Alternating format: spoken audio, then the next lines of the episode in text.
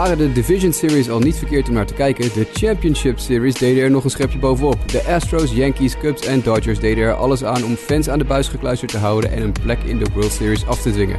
Maar uiteindelijk konden er maar twee teams als finalisten van het veld stappen. In een zinderende 7-game series schakelden de Astros de Yankees uit. De Dodgers hadden maar 5 duels nodig om de regerend wereldkampioen Cubs naar huis te sturen. Het wordt dus Houston tegen LA in de World Series, Texas tegen California, Kershaw tegen Keuchel, Altuve tegen Turner en Puig tegen de wereld. Het belooft een schitterende laatste anderhalve week van het honkbalseizoen te worden, dus laten we nu nog eens terugblikken op de afgelopen week en een blik vooruit werpen op dat wat ons nog te wachten staat. Mijn naam is Jasper Roos en samen met Lionel Stuten Hey. duik ik nog één keer de playoffs in. Sport Amerika's MLB podcast Just a Bit Outside, aflevering 33. Here we go.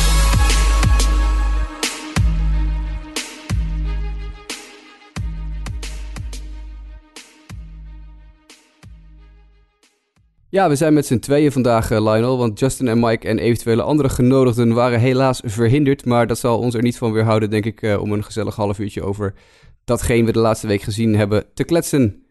Nee, absoluut niet.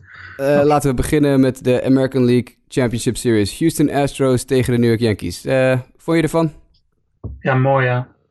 Natuurlijk precies wat ik vooraf al dacht dat het zou worden. Ik, eh, ik weet niet eh, of je dat nog voor je kan halen waar we het in de vorige episode over hadden. Ik zei het al, de Astros zijn natuurlijk de favoriet. En de Yankees steken van alle teams misschien wel het best in vorm nu. En dat wordt gewoon vuurwerk. Nou, en dat werd het ook. Ik heb echt geweldige dingen gezien. Ah, en eh, als je alleen al kijkt naar Game 7... hè, eh, daar zag je de meest, meest geweldige dingen in voorbij komen. Ik weet niet, die, die catch van, van Judge. Dat is, nou ja, dat weet je inmiddels wel. Dat is echt mijn dingetje. Zulke soort dingen voorbij zien komen. Geweldig. Ja, nee, dat, eh, Game 7 komen we nog uitgebreid op terug, eh, zeker weten. Want het was natuurlijk inderdaad een serie die de, ja, van begin tot het eind eigenlijk stijf stond van de spanning. Het begint met Game 1, eh, gelijk al, op vrijdag 13 oktober. Met een 2-1 overwinning voor de Houston Astros. Dallas Keuchel tegen Masahiro Tanaka. Eh Keuchel was echt fantastisch in die wedstrijd, hè? Ja, absoluut. Absoluut. Ik heb begin van dit seizoen heb ik de fout gemaakt om te zeggen dat Keiko geen ace was. Dat dat eh, gewoon dat dat één topseizoen was geweest, hè, twee jaar geleden, en dat hij niet meer terugkwam. Nou, daar moet ik toch wel heel stevig van terugkomen na dit jaar. En zeker ook als je naar deze game keek, echt nou, geweldig. Gewoon, gewoon weer helemaal wat, wat, wat er altijd al in zat, blijkbaar, is er nu dit jaar gewoon helemaal uitgekomen. Ja, nee, ik zag Keuchel natuurlijk eh, live gooien eerder dit jaar. Toen was het helemaal niks. Maar hij heeft echt ja, zijn postseason petje heeft hij stevig op zijn hoofd staan. Want dit was echt indrukwekkend. Eh, het was een, spannend duel, dus eh 2-1. Eh, 6-5 in hits eh, was het verschil. Ehm, in deze wedstrijd eh, was natuurlijk ook weer eh, José Altuve die een hoofdrol voor zich opeiste. En ook Carlos Correa, hè, de grote namen van wie dat wel verwachten. Ehm, ik denk dat we over deze wedstrijd verder niet heel veel hoeven te zeggen. Eh, alleen Greg Bird die nog een home run sloeg, dat eh, was wel even een momentje dat ik denk van... hey, hebben de Yankees eindelijk een fitte Bird in de line-up?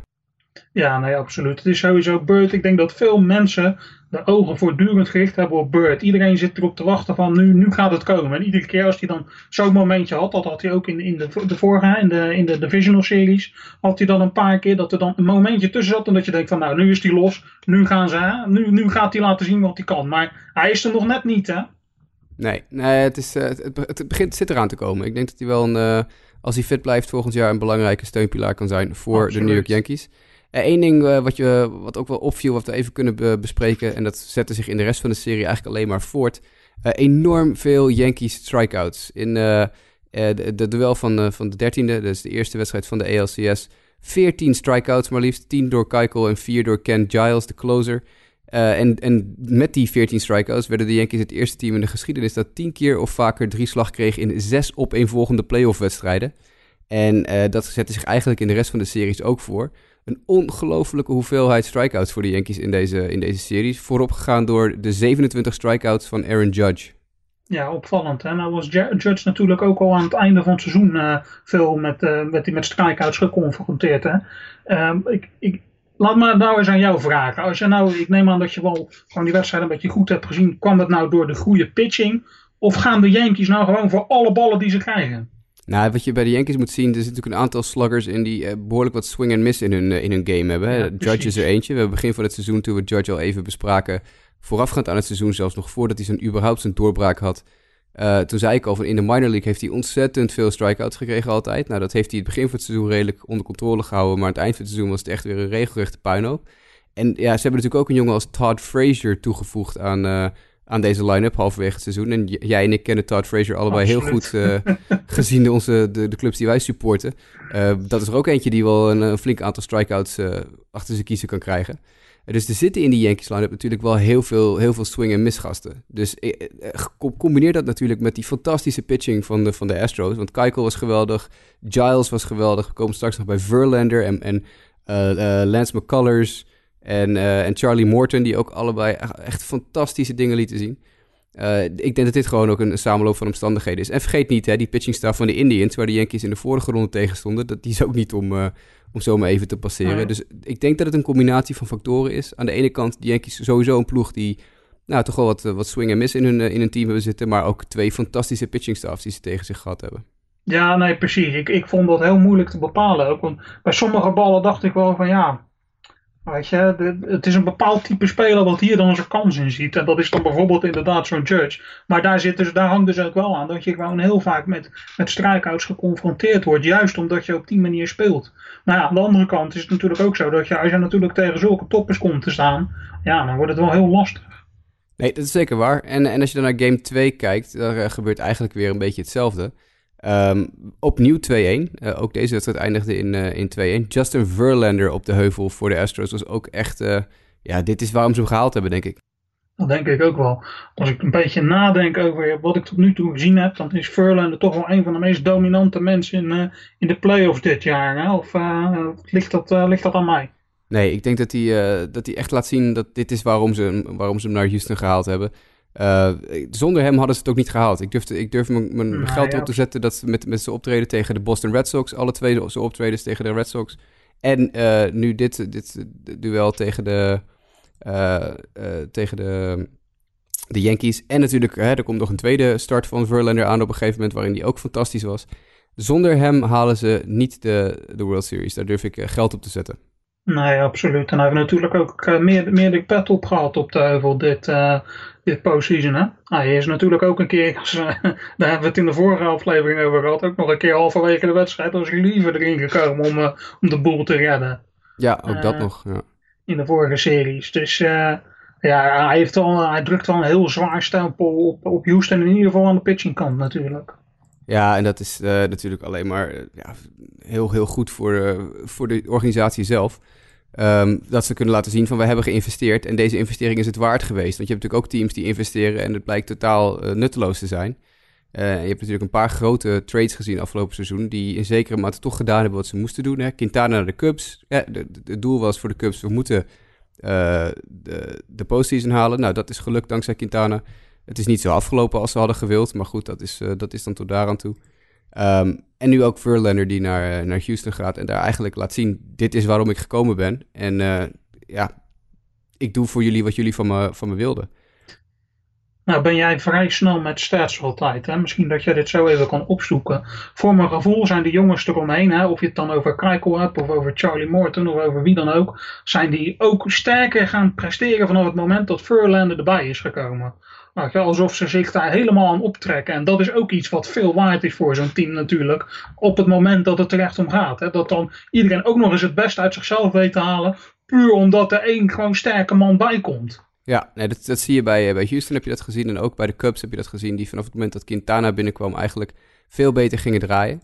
Absoluut. En dat geeft natuurlijk een boost aan die club. En het geeft ook, en dat is het vertrouwen waar we het eerder al over hadden. Het geeft dat vertrouwen aan een team als een front office zegt: hey, wij gaan investeren. En hier zijn spelers, of is een speler, die uh, jullie gaat helpen om uh, het laatste stukje te doen. Ja, um, ja ik, ik, kan, ik kan er niet over uit. Ik vond Verlander echt fantastisch in, het, in die tweede wedstrijd tegen de Yankees. Uh, gooide negen innings, hè, complete game. Eén puntje tegen, vijf hits, dertien strikeouts. Hij was echt hij was fantastisch. de, de grote man, denk ik, voor, voor de Houston Astros. Die staan dan 2-0 voor. Dan verplaatst de serie zich naar New York. En dan uh, ja, zien we toch ineens een heel andere Yankees uh, tevoorschijn komen. Ja, absoluut. Hè. Misschien dat dit ook wel komt omdat het team nog jong is. Hè. Dat, tenminste, een groot deel van de jongens is natuurlijk nog aan de, aan de jonge kant. Niet zo heel veel playoff ervaring, omdat ze de laatste jaren natuurlijk vaak uh, daarnaast grepen. En, of, of wel heel snel eruit vlogen. Um, En dan zie je toch dat als jij voor je eigen publiek komt te staan, dat dat, je dan een beetje optilt. Hè? Want ik vond ook dat ze gewoon beter gingen spelen toen ze eenmaal in eigen huis terecht kwamen. Ja, en, en daar tegenovergesteld verdwijnt de offense van de Houston Astros in uitwedstrijden volledig. Dat zag je tegen de Red Sox en dat zag je nu tegen de Yankees ook dat, weer. Dat hadden ze tegen Boston natuurlijk ook al. Hè? Daar zag je dat precies datzelfde gebeuren. Dat is wel heel opvallend. Ja, meteen ook uh, het einde verhaal voor de, de 10 strikeout streak voor de Yankees, game 3. Want uh, Charlie Morton had maar drie strikeouts en Colin McHugh in relief uh, drie strikeouts. Dus het was zes. Dus daar eindigde gelijk de 10 strikeouts of meer streak van de Yankees in de postseason. De Yankees winnen met 8-1. Dat was een vrij ja, eclatante en toch iets wat geflatteerde overwinning, denk ik. Want nou ja, goed, Charlie Morton had het niet helemaal. Die kreeg, kreeg zeven runs tegen in drie innings. Um, maar ik denk toch dat als je kijkt naar Cici Sabathia, hoe die als een phoenix uit het, uit het as is gekomen om weer ja, in de postseason toch te doen wat Cici altijd doet, is toch wel mooi om te zien. Ja, absoluut. Het is altijd het leuke ook aan postseason, dat dan dat soort mensen dat, je hebt gewoon van die verhalen. Je had het, uh, net uh, het in de voorbespreking over, uh, over David Ross vorig jaar bij de Cubs. Weet je. Daar komen we straks nog wel even op. Maar dat was ook zo'n verhaal. Weet je. Dat zijn dan van die mannen die gewoon uit het niets gewoon tevoorschijn komen. Je kent ze wel, ze zijn in het verleden goed geweest. Ze zijn wat minder, ze hebben periodes. En nou ineens staan ze er weer. Weet je. Dat is natuurlijk, ja. Ik vind dat geweldig, dat soort dingen. Ja, nee, ik ook. dan staat de serie op 2-1. nog wel in het voordeel van de Houston Astros. En dan is daar game 4. Die was een stuk spannender. Maar ook weer hier uh, verdwijnt eigenlijk de Houston offense weer. Die, een offense die toch normaal gesproken tot de beste offenses van de, van de Major League behoort. Die maar drie hits weten te slaan en daar dan vier runs op weten te scoren. Maar de Yankees uh, weten zes runs te scoren. In, uh, vooral in de zevende en achtste inning tegen Ken Giles en Joe Musgrove. Um, ja, waar beginnen we met deze wedstrijd? Laten we beginnen met één ding. Op dat moment als die wedstrijd afgelopen is, staat George Springer zijn slaggemiddelde in de, in de postseason op 0,71 in de lead-off spot.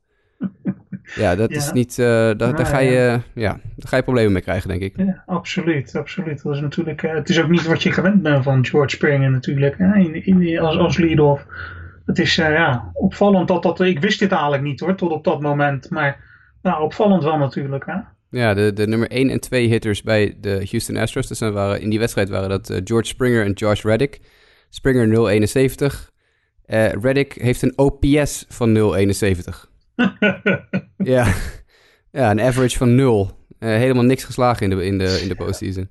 Gelukkig voor Houston komt daar dan, uh, Houston, uh, komt dan Jose Altuve en Carlos Correa achteraan... die gewoon doen wat ze moeten doen. Maar de rest van die line-up slaat eigenlijk vrijwel niks. Nee, maar moet, moet, je eens over nadenken, eigenlijk, nu je dit zegt. Hè? Hoe bijzonder het is dat dit team nu in de World Series staat. Als je alleen al die twee cijfers gewoon even opnoemt. Dat dus jouw nummer 1 en jouw nummer 2 slagman hebben in, uh, wat is het? Uh, 12 partijen hebben zij twee ballen geraakt. Bij wijze van spreken. Ja. Twee ballen. Je nummer 1 en je nummer 2 slagman. Ja, en toch sta je in die World Series. Dat zegt natuurlijk wel iets, hè? Ja, nou ja, goed, dat is, uh, daar komen ze meteen nog op terug. Want ja, dat heeft natuurlijk alles te maken met hoe goed Houston in hun eigen stadion is. Um, aan de kant van de Yankees startte Gray, Sonny Gray in die wedstrijd. Dat deed hij heel verdienstelijk. Maar ja, toch niet, uh, niet dat je denkt van uh, het goed. maar David Robertson, Chad Green en Aroldis Chapman maakten die wedstrijd af. En dat was een 6-4 overwinning voor de Yankees. Dan is, staat de serie gelijk 2-2 en vertrekken we weer naar Houston. sorry, nee, dat zeg ik verkeerd. Er was nog, nog één wedstrijd in Yankee Stadium achteraan. Ook die ging verloren voor Houston. Uh, eh, 5-0 voor de Yankees. Ook maar weer vier hits hè, voor, de, voor de Houston Astros op dat moment. Ja, opvallend. Hè? Dat, uh, dat, dat, dat buitenshuis niet wil lukken. Nee, nee. Masahiro Tanaka was, uh, was erg goed die dag voor de Yankees. En Dallas Keuchel...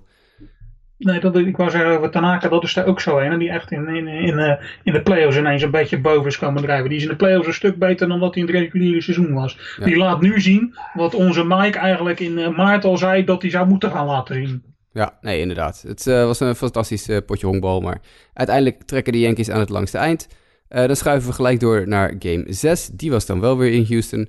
en de Astros winnen die gelijk ook weer dik, hè? 7-1. Dat was een, een slachting van je welste.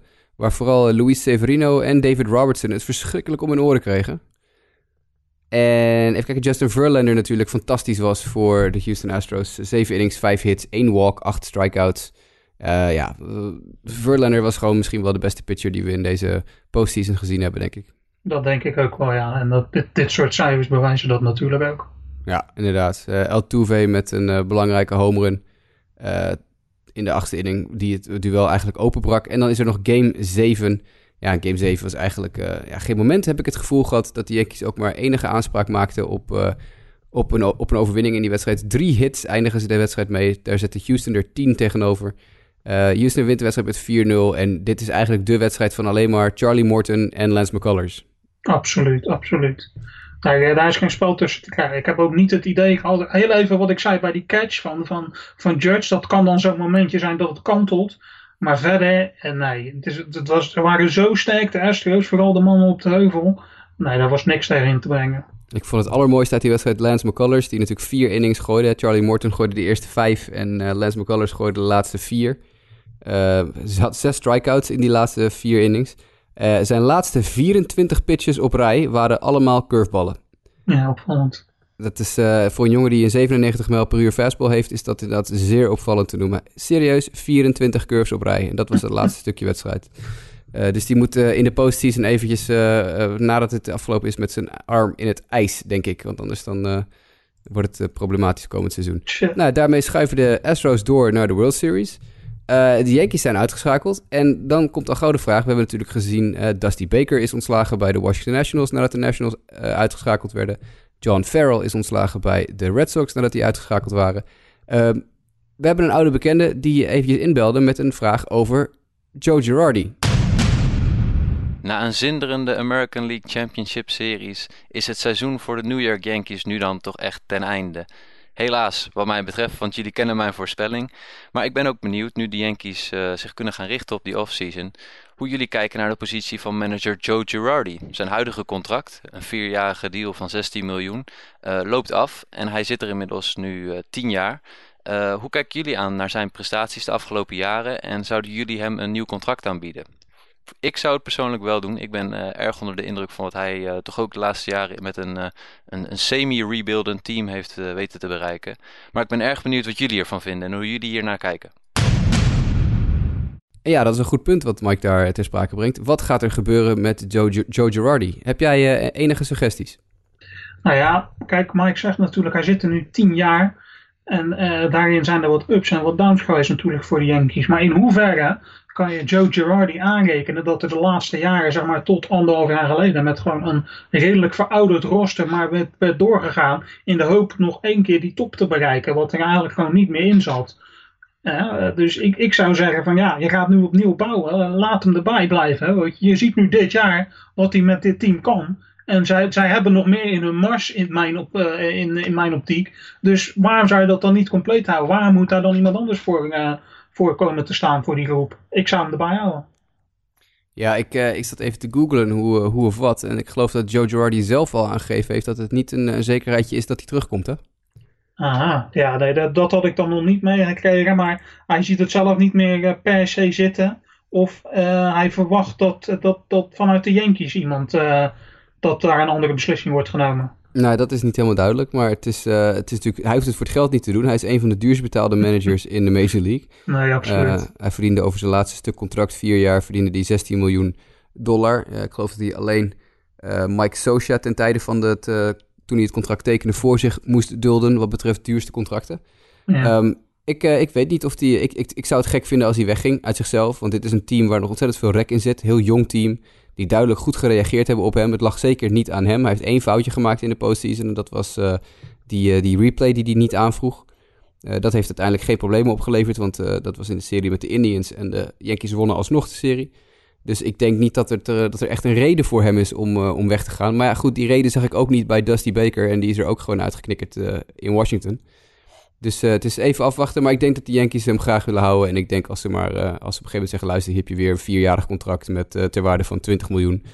Dat Girardi gek zou zijn als hij dat niet accepteert. Ja, absoluut. Wat het ook is, dit Yankees team, ze zijn verder gekomen dan dat ze dit jaar misschien hadden ingeschat. Maar het is geen verrassing dat ze hier staan. Het is niet, geen toevalstreffer geweest, om het zo maar te zeggen. ze, ze hadden deze plek tot, zeg maar, tot, tot, tot de Championship Series hadden ze gewoon verdiend. Ja, dus... en, uh, en, hoe jong dat team is, joh. Dat is, uh, dat, het is niet zo dat dit een, een nog een, een, laatste stuiptrekking was, hè, zoals we met de Tigers gezien hebben dit jaar. Dat was echt nog één keer proberen met de oude garde. En als het niet lukt, dan jammer. Uh, dat is bij, bij de Yankees absoluut niet zo. Dat team is jong genoeg om nog een paar jaar mee te kunnen. Absoluut. Dus ik, ik, ik zie Girardi gewoon blijven hoor. Ik denk dat dat niet zo'n probleem gaat worden. Het, hij zit er inderdaad al tien jaar. Dat is, dat is lang genoeg om, om een beetje credit op te bouwen. Schuiven we door naar de NLCS. Die was sneller klaar dan de ALCS. Die hadden geen zeven wedstrijden nodig, maar slechts vijf. want de Dodgers en de Cubs ja, ik vind het toch interessant hoor, het, uh, wat, je, wat je hier uh, eigenlijk gezien hebt. De Dodgers die natuurlijk relatief snel klaar waren met de Diamondbacks. De Cubs die een hele zware serie hebben gespeeld tegen de Nationals. En daar eigenlijk met een beetje geluk doorheen zijn gekomen als je het mij vraagt. Maar misschien moet je het mij juist niet vragen.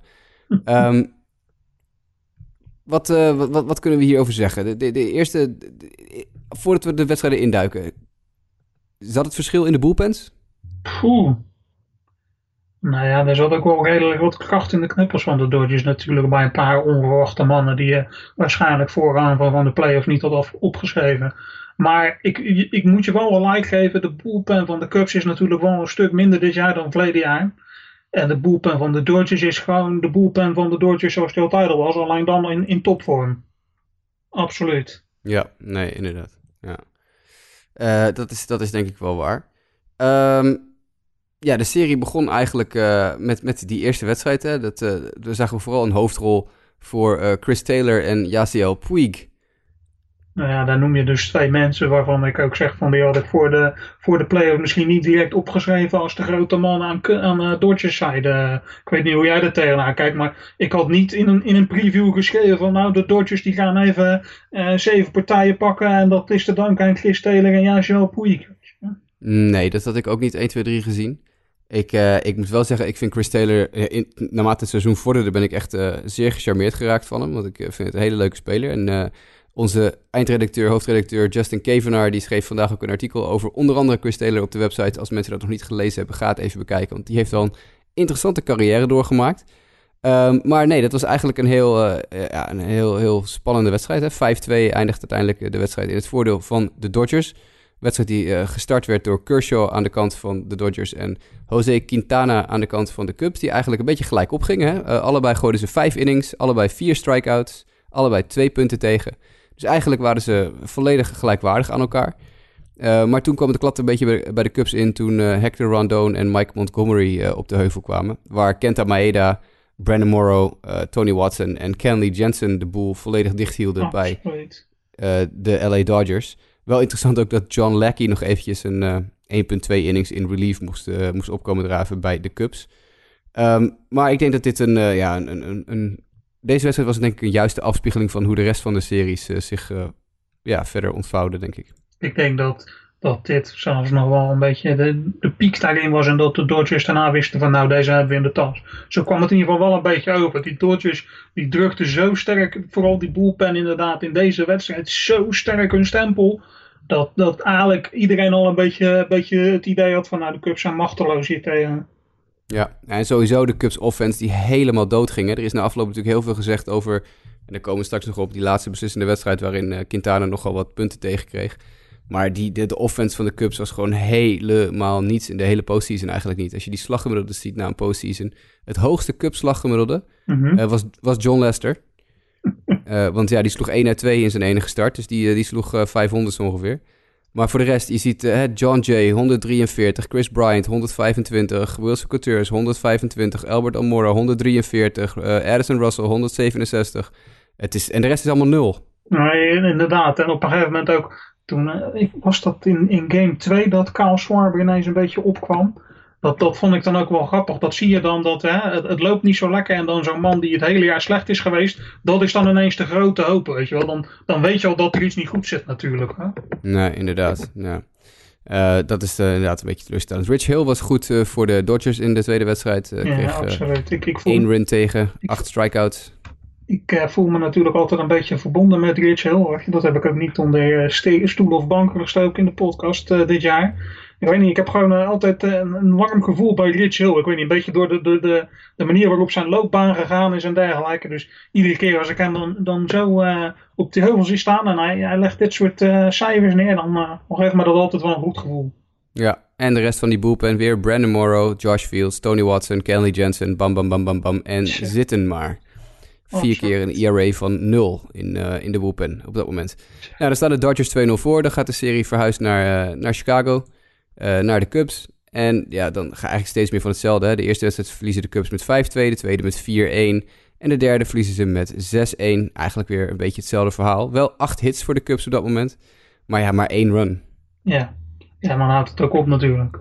Ja, dan kan je nog een Kyle Hendricks op de heuvel hebben staan die... Uh, nou, redelijk gooide. Niet heel speciaal, maar redelijk gooide. Maar ja, Hugh Darvish bij de Dodgers, die, uh, ja, die had geen moeite met, uh, met de Chicago Cubs in deze wedstrijd. Nee, en dan, ja, dan, zie je dat als, als, het offensief lekker loopt. En je hebt een pitcher die gewoon doet wat hij moet doen, dan is er weinig tegen hem te brengen, joh. Nee, precies. Alleen uh, Kyle Schwarber, dus uh, als enige, dat was de wedstrijd waar hij een home run sloeg tegen Hugh Darvish. Maar Darvish verder zeven strikeouts in zes innings. En toen kwam die bullpen er weer aan, hè. Tony Watson, weer clean. Brandon Morrow, weer clean. Ross Stripling werd er nog even tussendoor gegooid, maar die was wat minder clean. Die kreeg twee hits tegen en moest er toen af. En toen kwam Kenley Jensen, weer clean. En dan heb je dus weer een bullpen waarin vier werpers gooien, met, waarvan er drie een ERA van nul hebben. Dus dat is, uh, het, is uh, ja, het was denk ik een duidelijk verhaal. Uh, ik bedoel, als je naar die vierde wedstrijd kijkt ook, 3-2 overwinning. de Cubs winnen daar dan weer net wel.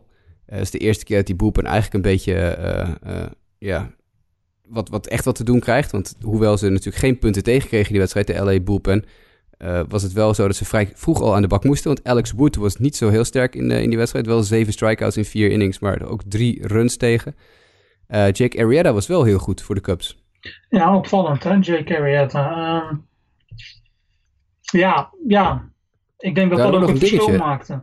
Ja, dat wordt nog een dingetje natuurlijk voor de Cubs. Daar komen we straks nog wel even op. Of, of, of ze die kunnen, kunnen houden natuurlijk in Chicago. Ja, dat is ook nog zoiets. Hè? Is inderdaad, daar gaan we het zo nog even over hebben.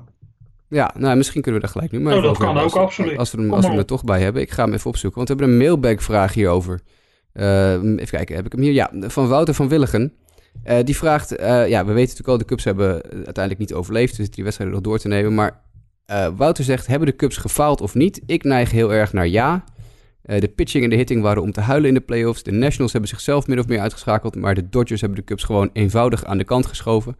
Het was het hele seizoen eigenlijk al hangen en wurgen in Chicago. Het lek is nooit boven water gekomen. Het verlies van Fowler en David Ross hebben ze nooit echt opgelost. Er wordt nu al gespeculeerd dat Jake Arrieta financieel niet houdbaar zou, zou zijn. Dat kon wel eens een heel korte dynastie worden. Nou, ten eerste is het geen dynastie, want één seizoen kan je nooit een dynastie noemen. Maar ik snap helemaal wat Wouter bedoelt. Het kan heel snel weer afgelopen zijn. Denk jij dat het, uh, als ze Arietta niet weten te houden, dat het voorbij is?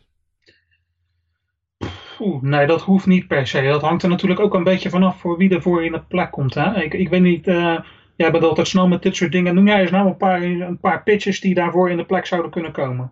Nou, ik zat net even een beetje te zoeken naar free agent pitchers uh, voor komend jaar. En er zitten heel weinig interessante namen tussen, als ik heel eerlijk ben. Um, want je komt al heel snel terecht bij inderdaad een, een Jake Arrieta. Maar Jake Arrieta heeft een, heeft een probleem in zoverre dat hij ontzettend duur lijkt te gaan worden. Jake Arrieta's contract dit jaar was 16, 16 nog wat, 16, nog wat miljoen ja. uit mijn hoofd. Uh, maar zijn, uh, zijn ingeschatte waarde voor komend seizoen zit al ergens halverwege de 20 miljoen. Ik geloof uit mijn hoofd 26 miljoen. Ik ga even snel kijken of ik het kan vinden. Ja, 26,6 miljoen is zijn, uh, zijn jaarlijkse marktwaarde. Nou, dat is natuurlijk vrijwel geen club die dat op kan hoesten.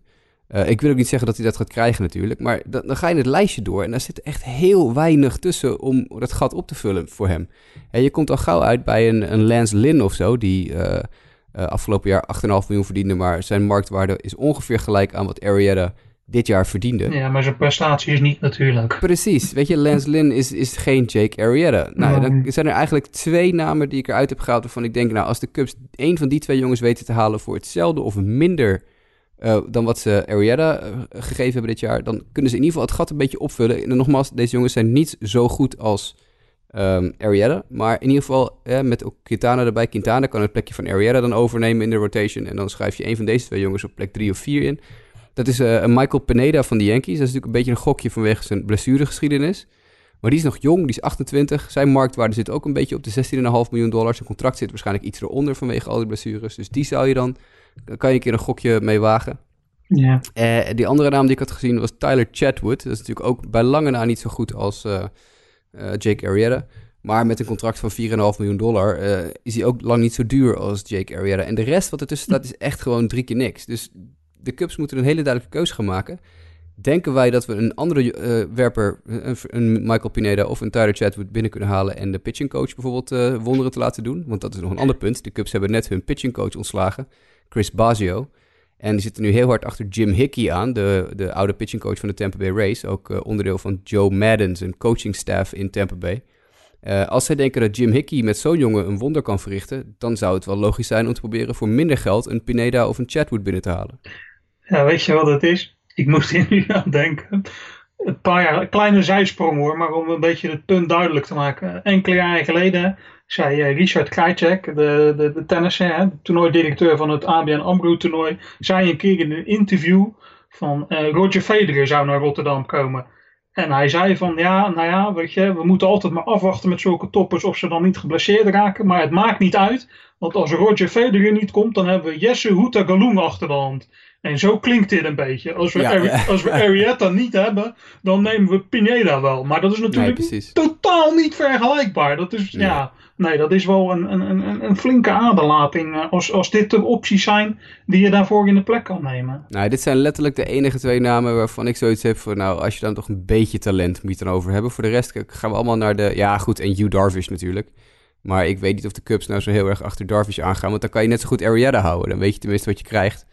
Want Darvish is natuurlijk, uh, heeft een, een, een annual uh, market value van 22, nog wat miljoen. Dus dat zit maar 3 miljoen uh, bij Arietta vandaan. Ja. Dus het is, het, kijk, als je dan, als je dan Arietta wil houden, dan heeft het niet zo, is niet zo logisch om dan te zeggen, nou we nemen Arietta niet, maar we gaan geld inzetten op Darvish. dat dat lijkt me niet heel logisch. Nee, dat lijkt mij ook niet. Als, als het zou zijn, dan gaan ze wel voor hun eigen man. Nou ja, precies. Ja, dat is ook nog zoiets. En hetzelfde geldt een beetje hoor voor het jaar daarna. Want het jaar daarna is eigenlijk de free agent markt voor werpers ook niet heel erg uh, ja, om over naar huis te schrijven. Dus uh, ik denk dat de Cubs uh, ja, een keuze hebben te maken. En om dan in te gaan op, is die, die dynasty voorbij? Nou ja, ik denk, ik denk niet dat het een heel korte dynasty wordt. Want volgend jaar gaan de Cubs met een vergelijkbaar team gewoon weer het seizoen in. En ook al verliezen ze Arietta, dan weten ze het vast wel weer op een bepaalde manier op te vangen. Alleen wat, wat er te sprake brengt is wel uh, een serieus dingetje. Een, een verlies van een, een, Dexter Fowler heeft er blijkbaar harder ingehakt dan ze hadden gedacht. Absoluut. Dus ze en moeten dit team een beetje bij elkaar houden, denk ik. Wat denk ik een groot verschil was verleden jaar. Uh, ik, ik vraag me nog steeds af of zij verleden jaar die World Series wel gewonnen hadden als zij niet die deal met Chapman hadden gemaakt. Dat durf ik heel sterk te betwijfelen of zij dan wel de World Series hadden gewonnen. En nu is Chapman natuurlijk weggegaan, kwam Wade Davis voor in de plaats. En dat is toch ook wel een flink verschil gebleken.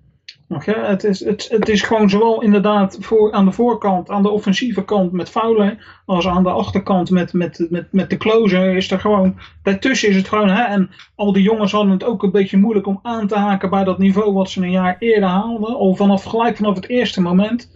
Ja, en dan kan er wel eens zo'n seizoen tussen zitten. Maar aan de andere kant is het wel, we hebben daar vaak genoeg hebben het daarover gehad. Het is gewoon een jong team wat nog vele jaren mee kan. En er zit echt nog wel wat in. Dus of het gelijk direct afgelopen is als Jake Arrieta zou vertrekken, dat, dat waar ik te betwijfelen. Dit seizoen is niet geworden wat het, wat het misschien had kunnen worden. Maar dat betekent niet dat het in 2018, 2019 of 2020 niet alsnog een tweede of een derde of zelfs een vierde titel zou kunnen opleveren. Nee, precies. Al die jonge gasten die, uh, die zitten nog gewoon in dat team, die staan nog gewoon onder contract. En, en onderschat ook niet de, het effect van de, de, de kampioenschapshangover. Ik bedoel, vorig jaar hebben ze natuurlijk die, uh, die, eindelijk die World Series titel gewonnen. Uh, het kan best zijn dat er gewoon spelers hebben gedacht van ja, dit is het eigenlijk, meer, meer valt er niet te halen. En, en dat ze een stapje teruggenomen hebben. En dat kan best zijn dat nu, doordat ze uitgeschakeld zijn en een beetje de hoon van de, de fans over zich heen krijgen over het de manier hoe ze uitgeschakeld zijn, dat het dan volgend jaar ineens het gevoel hebben dat ze iets te bewijzen hebben. En met één of twee kleine tweaks. Hè, vergeet ook niet, John Lackey is, uh, zijn contract is afgelopen. Die is dus weg bij de Cubs. Dat, is, dat noemen ze addition by subtraction. Ik bedoel, uh, dat, daar word je ook alleen maar beter van als Lackey zo snel mogelijk uh, verdwijnt. dus, dus ik denk nog wel dat er een, een kans in zit dat de Cubs volgend jaar de boel weer aanzwengelen. Ja, dat, absoluut. dat wel gebeuren. Absoluut. in ieder geval, Wouter, dankjewel voor je vraag. We hebben hem even tussendoor gedaan, want we waren nog bezig met de besprekingen van de serie. Um, volgens mij waren we bij de 3-2 overwinning van de Cubs in uh, de vierde wedstrijd. Uh, maar dan ja, is het de vijfde wedstrijd, hè, de elimination game. Ja, ik, het, deed mij pijn om te zien dat Jose Quintana zulke klappen kreeg. maar goed, we moeten niet onderschatten het effect dat hij heeft gehad op het team gedurende het seizoen. Maar in deze wedstrijd had hij het gewoon echt niet. Twee innings, zes punten tegen. Dat is, daar ga je geen wedstrijden mee winnen. Nou ja, het, het was gewoon op. En dan zelfs de man die nog een beetje als, als anker voor jou heeft gefungeerd, die, uh, die breekt dan. Dat, ja. dat kan gewoon gebeuren. Het was gewoon, er zat gewoon niet meer in op dat moment. De Cubs wisten al dat het voorbij was. En uh, ja, ik denk dat dat ook zijn weerslag had op, op Quintana. Nou, en ik denk dat het ook in zekere mate te maken heeft met die offense. Hè? Want het was dus weer Kershaw tegen Quintana. Eerder in die series gingen ze volledig gelijk op. Echt bijna identieke uh, statline aan het eind van de rit. Ja. En nu was het een heel ander verhaal. En nu was het gewoon uh, Kershaw zes innings, één run, vijf strikeouts. Uh, en maar drie hits tegen. Terwijl Quintana zes hits en zes runs tegen krijgt. ik denk dat dit ook in grote mate te maken heeft gehad met het feit dat Kershaw zoiets had van... Oh, ik heb die Cubs offense nu wel gezien. Die slaan geen deuk in een pakje boter. Terwijl Quintana zoiets had van... Ja, ik moet nu wel tegen een offense die wel goed draait. Tja. Nou, en toen was het einde verhaal. 11-1. Uh, het was een slachting. Het was een, uh, het was een heel uh, teleurstellende laatste wedstrijd. Het resultaat is wel dat de Dodgers naar de World Series gaan. En ja, die gaan we dan zo meteen maar even previewen. had dit, even, even voordat we naar die previews gaan. Was dit voor jou een beetje de, de gedroomde matchup aan het eind van het seizoen? Astros tegen Dodgers. Ja? Ja, ja toch wel. Absoluut. Ja, voor mij ook wel. Ja. Ja, ik had hem in het begin van het seizoen al uh, had ik hem al voorspeld. Maar het, het, het is, als je het seizoen, hele seizoen bekijkt... Want kijk, voor het seizoen is het altijd een beetje koffiedik kijken... en een beetje van, nou ja, uh, natte vingerwerk van... nou, ik denk, ik denk dit en ik denk dat. Maar ik denk als je naar de hele, uh, de hele, het hele seizoen kijkt... dan allebei die teams... Ja, dat was leuk om te zien dat gewoon de twee beste teams in allebei de leagues daadwerkelijk ook de World Series halen. Dat je niet een, het, het, vijfde of zesde beste team in de majors in één keer de World Series inziet kukelen, weet je wel. Dat is nee, een wildcard team of zo. Dat, dat zou ik heb, verschrikkelijk hebben gevonden. Dat heb je natuurlijk een paar jaar geleden met die uh, Giants tegen Royals gehad. Dat waren gewoon twee wildcard teams tegen elkaar natuurlijk. Dat, ergens, ergens wringt dat wel een beetje. Hè? Dat, is, dat zie je ook wel eens in, in, in het voetbal in de Champions League. Dat, dat de nummer vier van een land het jaar erop de Champions League wint. Omdat dat kan. Eigenlijk hoort dat natuurlijk niet te kunnen. En dat heb je hier dan ook wel een beetje bij. Je wil eigenlijk toch wel de sterkste teams uiteindelijk aan het eind tegen elkaar zien opnemen. Nee, dat is het inderdaad. Ik, je wil gewoon het beste honkbal zien. En ik denk dat we tussen deze twee teams wel het beste honkbal gaan zien. Uh, daarover gesproken, zullen we gaan uh, previewen, uh, Lionel? Ja, laten we dat doen. Alright, World Series preview. Houston Astros tegen de LA Dodgers. Beginnen we met Houston. Wat zijn de sterke kanten van dit Houston Astros team waar ze eventueel, wat ze zou kunnen helpen, een overwinning uit het vuur te slepen? Ja, laten we beginnen. Dat ze natuurlijk een paar, paar knuppels moeten zien te temmen. En dat zij natuurlijk wel de mannen hebben, eh, de mannen op dit moment zelfs hebben om dat te doen natuurlijk. We hebben ze allemaal al voorbij horen komen toen we de, de, de, de, de Championship Series uh, bespraken. Hè? Of je het nou over Verlander hebt, of over, over iemand die uit de boelpunt komt, zoals McCullers, of, uh, of je hebt het over Charlie Morton. Dat zijn uh, Dallas Keuchel. Het zijn allemaal mannen die wel meer in hun mars hebben dan wat ze misschien tot nu toe tegen zich hebben gehad bij de Dodgers. Ja, ik, ik denk persoonlijk dat Houston's ja, echt sterke kant toch ja, de, de top van de pitching staff en het einde van de pitching staff is. Ik heb over het midden heb ik een beetje mijn twijfels. Daar kom ik straks nog wel even op terug. Maar ik denk dat Houston ook wel een heel sterke offense heeft hoor, over de hele linie. Ik bedoel, als je kijkt naar dat dan Springer en Reddick nog niet zo heel goed draaien, maar een El Tuve die prima draait. Uh, een Juli Guriel, honkbalweek-veteraan Julieske Guriel, uh, die, die best goed loopt te, dragen, loopt te draaien. En, en vergeet even niet, hè, een, een, een speler als Marvin Gonzalez, die bij de Astros speelt, die is heel erg waardevol voor dat team. Want die kan overal uit de voeten en die kan overal ver boven gemiddeld uit de voeten. En dat is zeker in een, uh, in een serie uh, tegen een National League tegenstander enorm, enorm belangrijk. Nee, absoluut, absoluut. Ik denk dat zij misschien wel inderdaad, jij, jij noemt hem nu net, misschien wel de beste honkballer op aarde op dit moment in de geleden in Altuve natuurlijk. Hè? In ieder geval de man die misschien wel het best in vorm is van allemaal. Ja, ik denk dat dat zeker een, uh, een, een, punt is. Ja. Ik, uh, ik vind het fantastisch om naar hem te kijken. En ik vind het geweldig om te zien dat hij ook in de postseason gewoon lekker blijft draaien. Waar andere jongens als een George Springer volledig van de aarde afvallen. Uh, dat Altuve gewoon zoiets heeft, jongens, lekker, lekker potje ballen. Maakt er allemaal niet uit. Nee, absoluut. Dus uh, ik, ik denk dat Houston uh, wel een, een, ja, een heel sterke, echt een heel sterke offense heeft. Een offense die uh, ja, natuurlijk thuis beter uit de voeten kan dan uit, hebben we wel gezien de laatste tijd. Dus dat is nog een beetje het probleem dat de Dodgers het thuisvoordeel hebben in de serie. Maar ja, de offense, de top van de rotation, dus een, een Verlander Keuchel en het einde van de, van de bullpen met een Devensky en een, en een Ken Giles vind ik de Astros heel sterk. Uh, ja, komen gelijk bij de zwakke kanten. De rest van die, van die pitching staff, ik, ik weet het niet hoor. Nee, ben, nee, ben ik met je eens. Er zitten er natuurlijk ook een paar tussen. Maar dat vind ik ook aan de offensieve kant. Daar hebben we het net nog over gehad natuurlijk. Daar zitten er ook een paar tussen. Het is, het is, het is geen Ja, je hebt, je hebt, het is een, een, zowel aan de pitchingkant als aan de, aan de slagkant en uh, zijn het line-ups van pieken en dalen. En die pieken zijn heel hoog. En daardoor kunnen ze die dalen opvangen. En dat is misschien wel de sterke kant. Maar dat kan ook wel een zwakte zijn. Want als die jongens die heel sterk zijn. het een dagje niet hebben. dan krijg je het gelijk heel moeilijk. Ja, nee, dat is zeker waar. En, en, en met werpers als Charlie Morton. Ja, natuurlijk, hij gooide een fantastische game, game 7. Maar zijn start ervoor was buitengewoon matig. Dus je weet gewoon niet wat je krijgt. Dus dat is ook een, eh, een risico waar je tegenaan kan lopen. Um, over de hele linie denk ik dat het team wel heel goed in elkaar zit. Uh, als ik heel eerlijk ben. Ze zijn natuurlijk wel hun benchcoach kwijt. Hè? Alex Cora, die heeft een contract getekend om de nieuwe manager van de Boston Red Sox te worden. Hij zal de World Series er nog wel bij zijn, denk ik hoor. Maar toch uh, kunnen ze zeggen van de categorie uh, win one voor de Gipper. um, gaan we naar de Dodgers. Sterke kanten van de Dodgers. Nou, jij mag eerst, want dat is iets, iets uitgebreider, denk ik. Sterke kanten van de Dodgers. Dodgers is gewoon een heel compleet team. Hè? En dat, dat blijkt, ook wel aan wie, blijkt ook wel uit wie nou de mannen zijn waar het meest over gesproken wordt op dit moment natuurlijk. Dat zijn, eh, daar hadden we het net ook al over. Dat zijn niet de mannen die je vooraf had opgeschreven. En dat zegt iets over de kracht die de Dodgers op dit moment hebben. Ja, eh, allersterkste kant van de Dodgers natuurlijk de bullpen. Absoluut, dat, zonder dat twijfel. besproken. Dat is uh, met, met Kenley natuurlijk aan het eind, maar sowieso zitten daar een paar heel erg goede, Ja, maar ook daar heb je natuurlijk een aantal mannen die gewoon de Dodgers of uh, de, de Cubs volledig stil kregen. Waarvan je niet van tevoren. Één van, noem nou maar één van die namen. Hebben we één van die jongens eerder genoemd dit jaar? Nee, nee. Ik, we hebben het nooit over ze gehad. En kijk hoe, wat voor spel ze op dit moment neerleggen. Ja, ja, nee, zeker een jongen als Brandon Morrow, natuurlijk teruggekomen van heel veel blessures. Dat vind ik altijd mooi om te zien dat hij in de bullpen wel uh, voor de dag komt.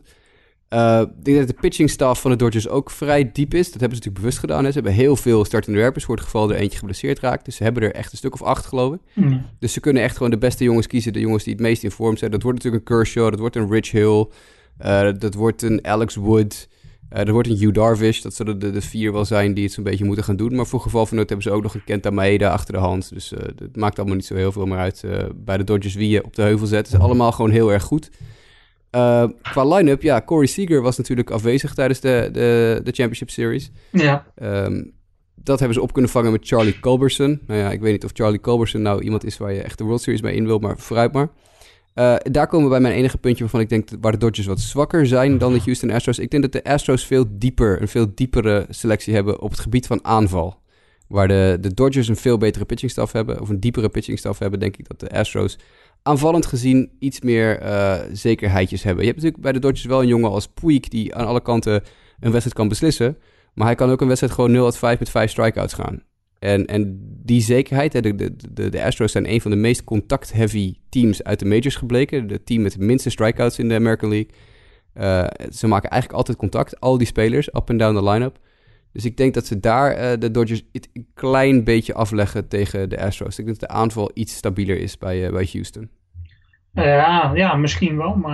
je kan toch niet, uh, niet zeggen dat de aanval het in, in ieder geval in de play-off niet goed gedaan heeft. En ook zo'n Kobersen is het inderdaad niet de man waarvan je vooraf zegt van nou ja, dat wordt onze man.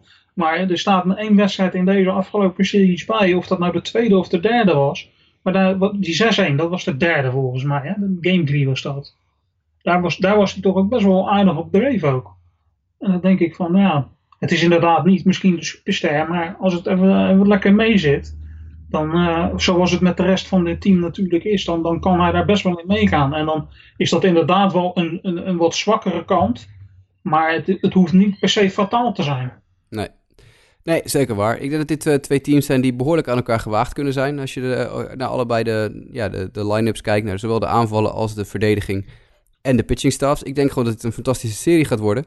Uh, Mike had nog wel even een, uh, een vraag over de, deze kwestie, dus, uh, of in ieder geval een opmerking. Dus we gaan even Mike weer erin plakken. In mijn beleving blijkt ook uit de NLCS-wedstrijden dat de Dodgers line-up gewoon ontzettend veelzijdig is. Wat is volgens jullie de batter in de line-up van de Los Angeles Dodgers die jullie het meest verrast? Voor mij is het Chris Taylor, die ook tijdens de NLDS tegen de Diamondbacks een goede serie neerzette. Nou ja, we hebben natuurlijk al een klein beetje de, de offenses doorgelicht. Maar Lionel, uh, wie vond jij er echt uitspringen? Tja, uh, ik, vond, uh, ik vond Taylor er heel erg uitspringen. Ik vond Puig er heel erg uitspringen. Ik denk dat dat de twee mannen zijn die het op dit moment aan het doen zijn. Ik denk dat het om, om Turner gaat draaien ook in de toekomst. Turner was natuurlijk ook heel sterk. Niet zo sterk misschien als Taylor en, en Puig. Maar ik denk dat Justin Turner de, ja, de man is die het meeste indruk heeft gemaakt. En dat misschien nog wel de belangrijkste, de linchpin wordt in deze, in deze offense, als ik heel eerlijk ben. Daar zit wel wat in, ja. Mooi. Ga, voorspellingen. Het is tijd om, een, om nu definitief met de billen bloot te gaan. Wat, uh, wat gaat het worden, Lionel? Nou ja, nou ja, ik heb het het hele jaar geroepen. Ik blijf erbij. De, de Dodgers worden kampioen dit jaar. De Dodgers gaan de World Series winnen. Hoeveel wedstrijden? Zes wedstrijden. Zes wedstrijden, overwinning voor LA. Uh, eh, Mike. Het zou super mooi zijn als Kenley Jansen wint. Maar zoals Jasper niet voor de Chicago Cubs kan zijn, kan ik ook niet voor de Los Angeles Dodgers zijn. Dus go Astros. Astros to win it in six. En ik zei eerder in de uitzending tegen Lionel dat het uh, voor mij een game time decision zou worden. Dat ik vandaag, uh, ja, tijdens de uitzending zou. Hebben we, hebben we een drumroll? Hebben we een drumroll? Ja, ik, uh, nee, iedereen zit in spanning. Ik vind het echt heel moeilijk. Ik vind het oprecht heel moeilijk. Want aan de ene kant denk ik dat de Dodgers dit jaar zoveel hebben laten zien... dat ze eigenlijk gewoon de sterkste zouden moeten zijn. Maar we hebben ook bij de Dodgers gezien dat, dat er wel eens wat insluipt. En daarbij, ik wil gewoon heel graag dat de Astros winnen. Want ja, ik heb wel een beetje een zwak voor dat team. Met, met een El Tuve waar ik gewoon verschrikkelijk fan van ben. En met, uh, ja, met een Verlander waar ik gewoon ja, goede, goede gevoelens bij krijg. Zeker nu die weg is uit Detroit. dus uh, ik doe eens gek. Ik zeg, uh, ook omdat ik graag wil dat deze, dit honkbalseizoen nog niet voorbij is. Astros in zeven wedstrijden World Series kampioen 2017. Wauw. Ja, het, uh, het moet maar een keer gebeuren. Ik zou je eerlijk zeggen, ik denk niet dat het gebeurt, maar ik zou er zeker voor tekenen als het zo afloopt. Ja, nee, precies. Dat, uh, dat, dat, een beetje, dat gevoel heb ik ook. Ik, ik vind de, de, de easy way out is inderdaad voor mij nu... Uh, om, ik, ik heb dan zo uitgesproken geweest over de Astros. zou zeggen, nou nee, maar de Dodgers zijn veel beter, dus het worden de Dodgers.